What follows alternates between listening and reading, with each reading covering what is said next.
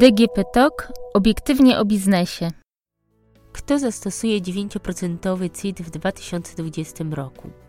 Obniżoną stawkę podatku zastosują ci podatnicy CIT, których przychody w 2019 roku nie przekroczą 2 milionów euro, ale w 2020 roku nie będą większe niż 1,2 miliona euro. Później powiem, co trzeba uwzględnić licząc te limity i jakie kursy zastosować do przeliczenia. Przypomnę, że dla 2019 roku oba limity wynosiły 1,2 miliona euro.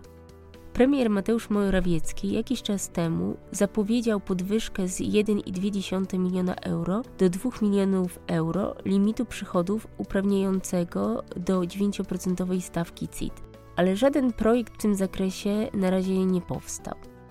Podwyżka jednego z limitów nastąpiła już dawno, nowelizacją z 2018 roku.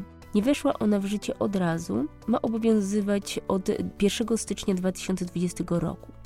Chodzi o limit małego podatnika w podatku dochodowym, który wzrośnie z 1,2 miliona euro do 2 milionów euro.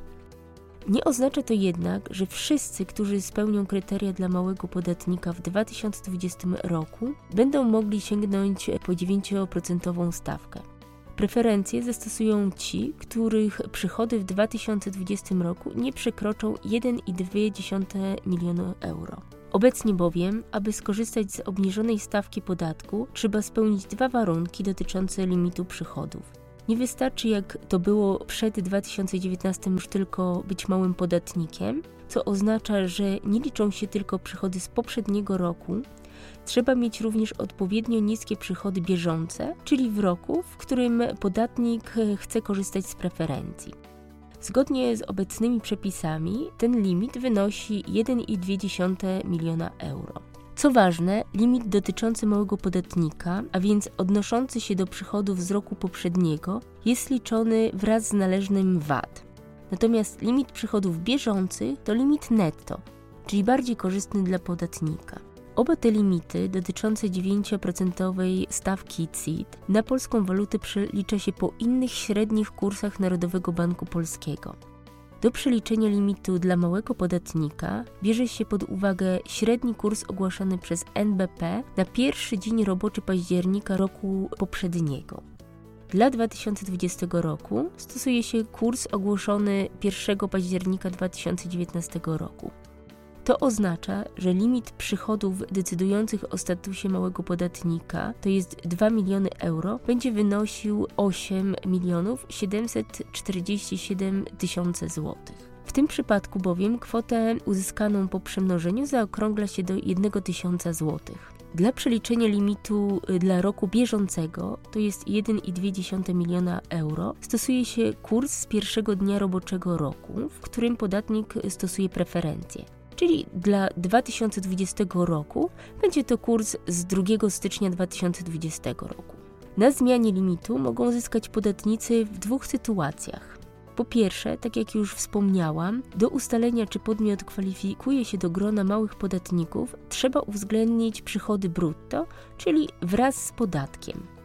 Gdyby nie podwyżka limitu do 2 milionów euro, to podatnik, który w 2019 roku miał przychód 1,1 miliona euro netto, nie spełniłby w 2020 roku kryteriów małego podatnika. Przychód brutto przedsiębiorcy, który stosuje 23% stawkę VAT, byłby większy niż 1,2 miliona euro. Po drugie, z preferencyjnego opodatkowania będą mogli skorzystać też ci podatnicy, których przychody w 2020 roku spadną. Przykładowo, jeżeli w 2019 roku osiągnie przychód ze sprzedaży w wysokości 1,5 miliona euro brutto, a w 2020 roku ograniczy sprzedaż, a jego przychody netto nie przekroczą 1,2 miliona euro, to będzie mógł stosować 9% stawkę CIT.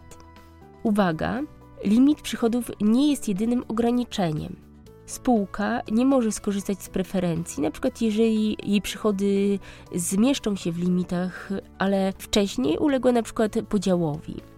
Nie skorzysta też spółka, która utworzona została z przekształcenia z działalności gospodarczej.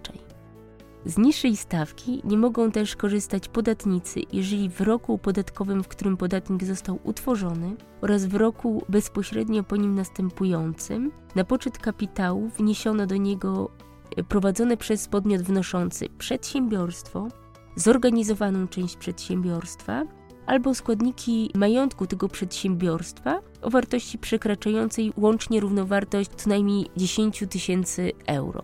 We wszystkich tych przypadkach przepisy o obniżonej stawce w ogóle nie mają zastosowania w roku, w którym podatnik rozpoczął działalność oraz w roku kolejnym.